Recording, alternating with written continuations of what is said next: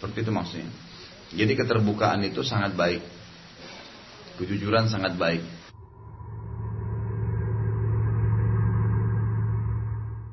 Cara apanya nih? Cara memperbaiki atau Ya tugas pertama kalau ada orang yang berbuat kesalahan tadi misalnya orang menikah dia selalu bohong terus diingatkan oleh pasangan hidupnya tapi tetap aja melakukannya bagaimana cara memperbaikinya memang ini berarti sudah tabiat ya Iya hadis hadis sahih itu. Yang tadi yang yang masa kata itu hadis sahih. Tapi saya lupa diriwayatkan oleh siapa tapi hadisnya sahih. Kalau pasangan kita berbohong terus sudah kita nasihatin tetap aja nggak mau. Apa yang harus saya lakukan? Yang penting kita harus tahu yang pertama adalah kalau saya ingkar mungkar, yang wajib adalah yang pertama.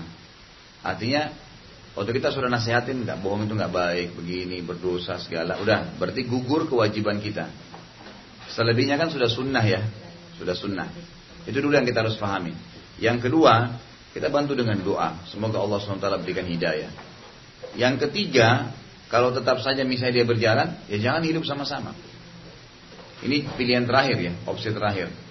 Lebih baik kita cut sekarang daripada jadi PR terus. Ini sampai kapan saya mau dibohongin gitu. Kan gitu, kalau sudah nasihatin, sudah lurusin, tapi tetap bohong, yang sudah di-cut aja, sudah selesai. Daripada harus terus menerus gitu ya. Makanya saya sering titik beratkan, kalau cari pasangan, memang dari awal. Kata ulama gini, haknya anak nomor satu, haknya anak nomor satu ya, mencarikan pasangan hidup yang soleh dan soleh. Haknya anak tuh, anak belum lahir nih, kita belum nikah, harus mencari ibu. Saya kalau nikah dengan seorang wanita, saya harus tahu berhubungan biologis pasti, sperma saya akan ke dia, akan lahir anak dari dia, dia akan jadi ibu anak saya. Bu, seburuk apa pun dia, dia pembohong kah, dia naudzubillah pezina kah, tetap dia adalah ibu anak saya. Salah pilih salah ini. Seorang perempuan juga begitu. Begitu dia tahu dia menikah pasti akan hubungan biologis. Laki-laki ini spermanya akan menjadi anak dan akan jadi ayah anak saya. Seburuk bagaimanapun dia, anak kita akan dinisbatkan kepada dia. Salah milih dari awal, salah semua nih. Amin. Kalau sudah terlanjur terjadi apa boleh buat tadi? Sudah kata kita kasih opsi ya, nasihatin, lurusin, selebihnya berdoa kepada Allah. Kalau tidak bisa maka dikat. Lebih baik kita cut sekarang daripada berterus-terus menerus gitu kan. Kan sudah pernah saya bahasakan rumah tangga adalah bahtera baru. Suami adalah pimpinannya, kaptennya, istri adalah wakilnya, bukan pegawainya. Sama-sama naik, jangan naikkan ronsokan ke atas kapal. Kita buru bawa piring baru, sendok baru, yang jangan bawa piring bekas, jangkar kotor, rusak semua kapalnya.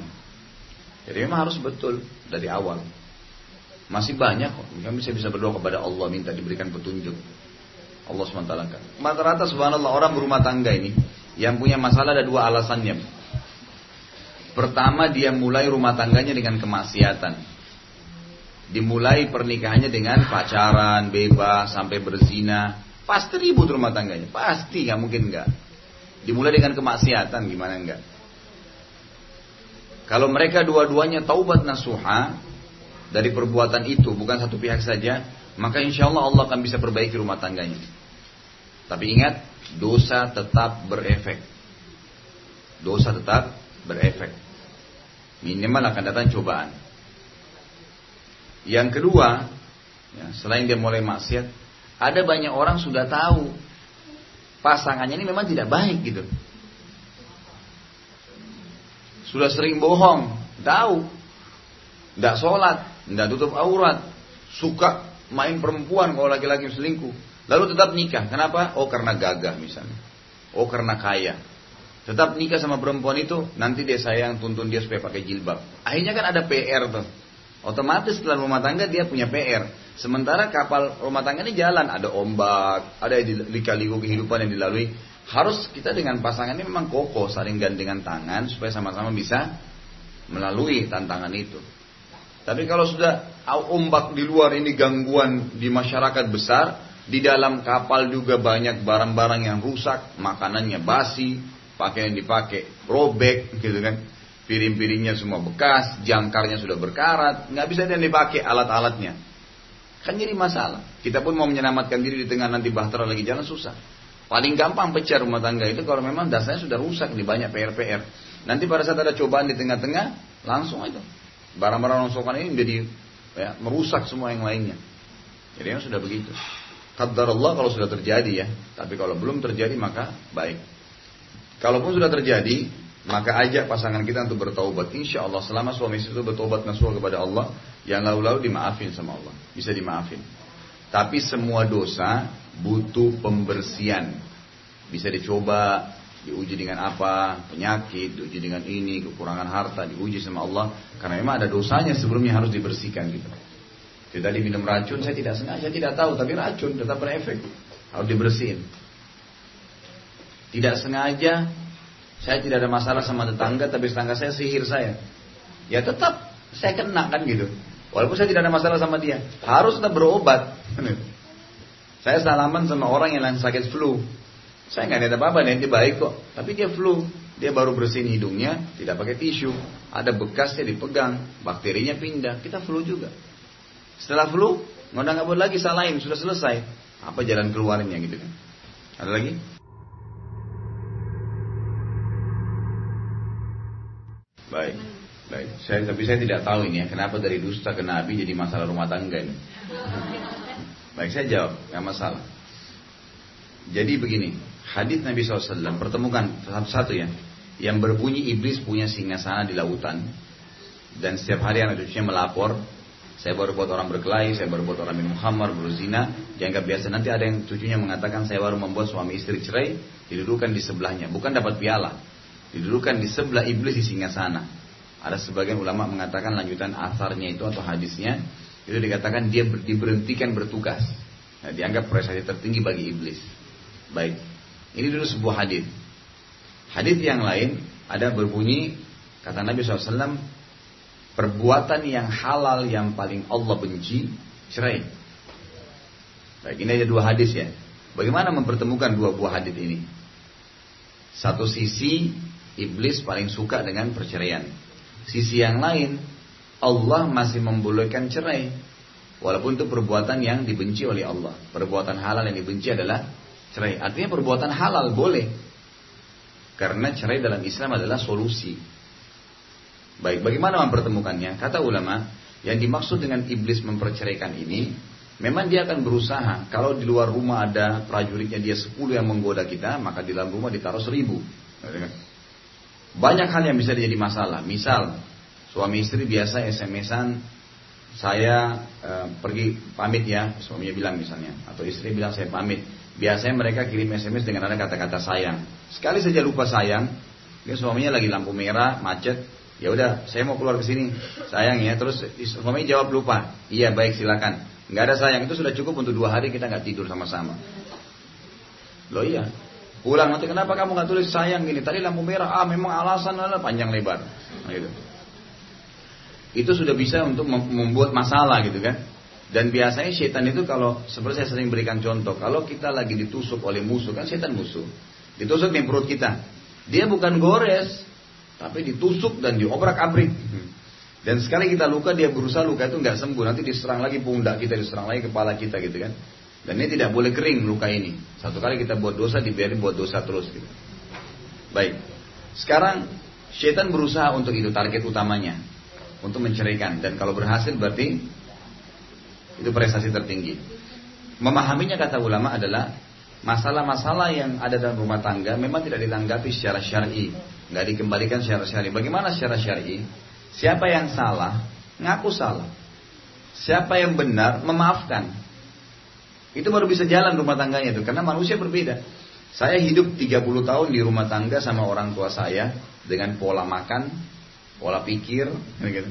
lingkungan. Istri saya 20 tahun, 25 tahun hidup di satu lingkungan dengan pola makan, pola pikir. Lalu kita bersatu, tiba-tiba mau disulap seperti sama yang apa yang kita harapkan, nggak bisa. Pasti ada hal-hal yang harus disinkronkan gitu kan. Sebagai kalau perlu kata ulama seumur dia, seumur itu pula baru kita bisa sesuaikan diri. Setiap hari itu masa ta'aruf dalam rumah tangga. Maka ada orang setelah 10 tahun baru bilang, kok saya baru tahu kok gini gitu. 10 tahun jalannya memang wajar. Kan gitu. Wah, itu sangat wajar. Kok saya baru tahu kalau kamu berteman sama ini? Ya memang wajar.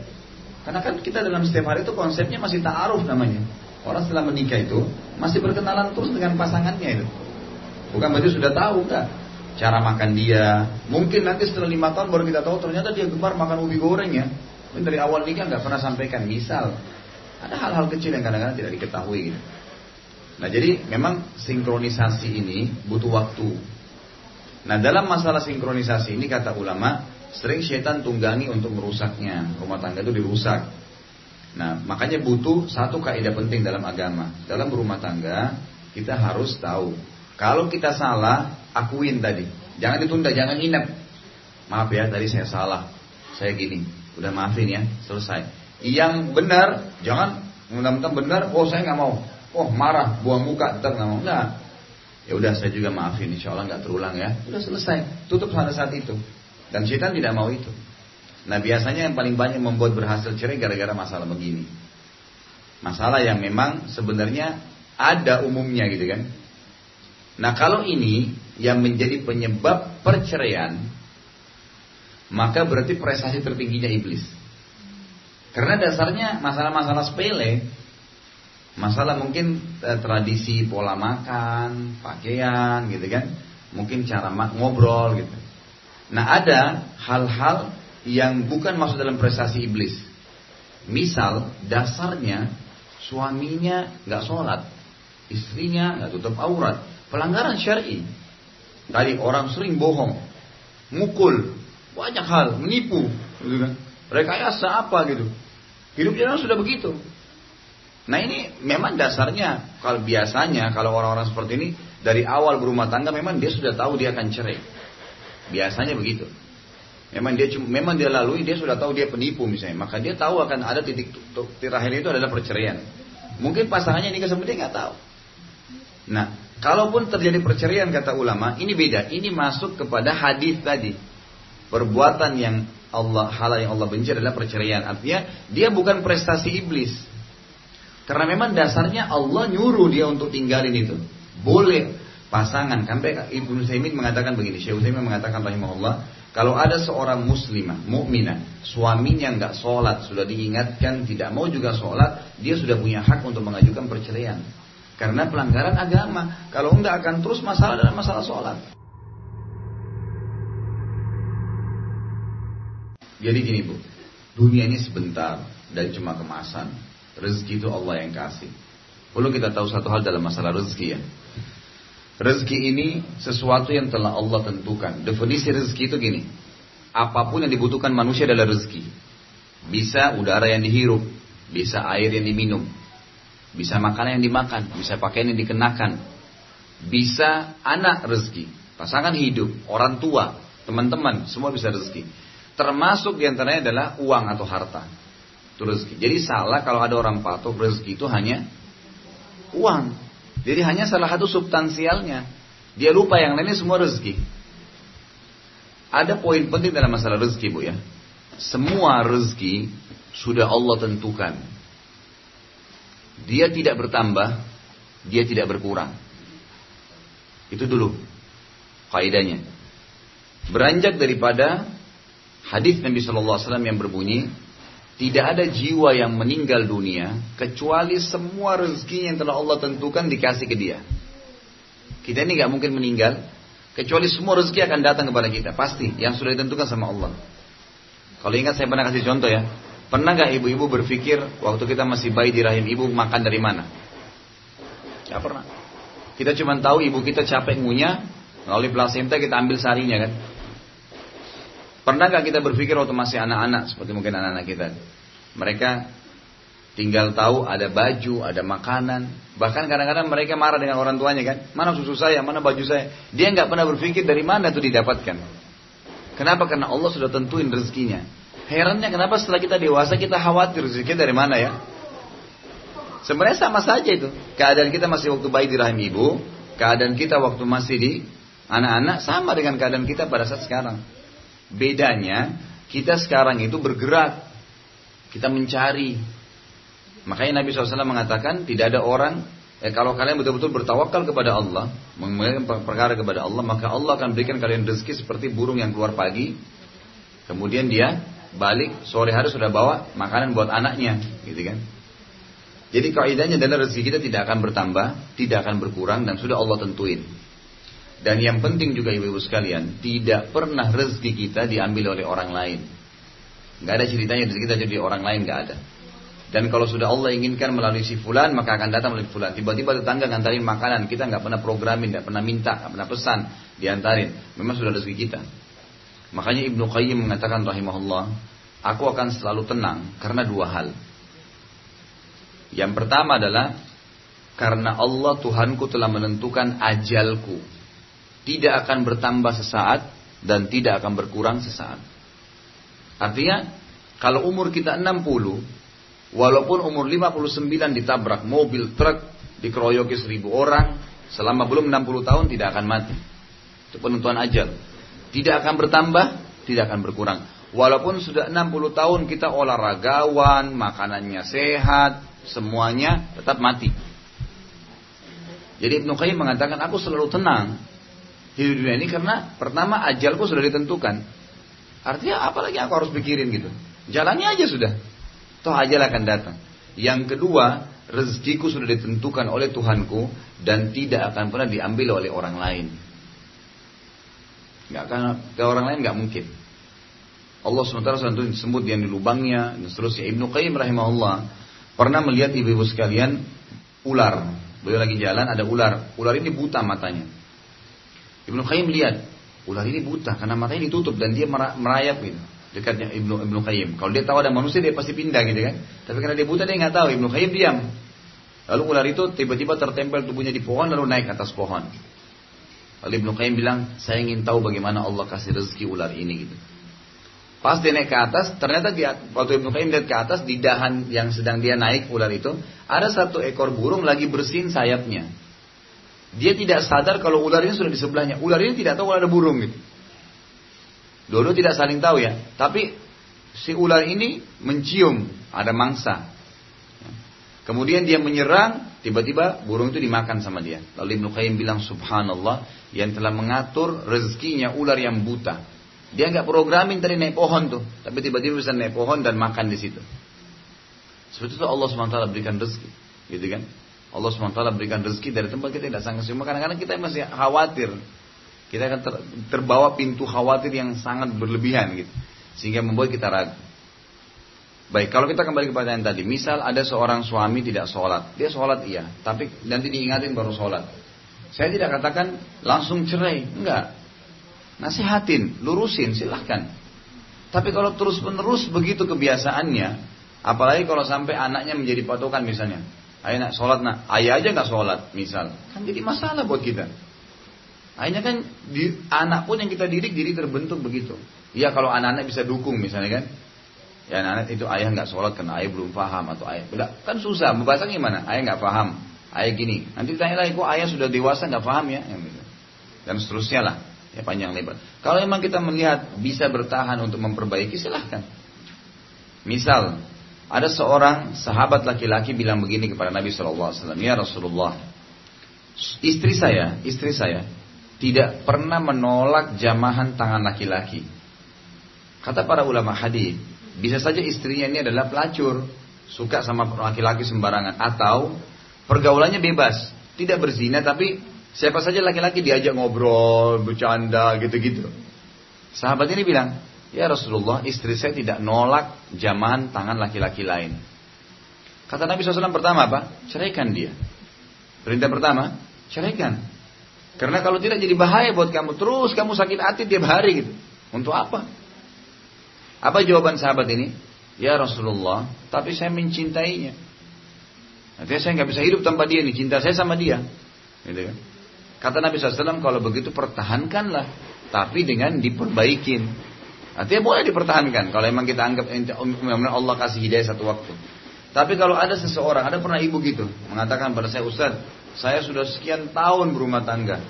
Suami saya saya ajak sholat nggak mau, ada pengajian nggak mau. Ini semua nggak mau, nggak mau, nggak mau. Sampai anak-anaknya jadikan patokan ayahnya. Gimana jalan keluarnya? Bolehkah saya minta cerai? Saya bilang boleh, gitu kan? Boleh minta cerai. Oh saya khawatir nanti kayak tadi misalnya khawatiran kalau cerai nanti nggak ada nafkah. Kan kewajiban nafkah dia kepada anaknya kan berjalan terus. Kalau anak ya, Ya itu itu dosa dia sama Allah. Masalahnya itu. Kalau itu lain lagi bu. Kalau misalnya dia lupa anaknya tuh nggak bisa karena tidak ada bekas anak. Bekas suami ada, bekas istri, tapi bekas anak nggak ada dan kewajiban nafkah sampai anak itu ya sampai dewasa gitu kan.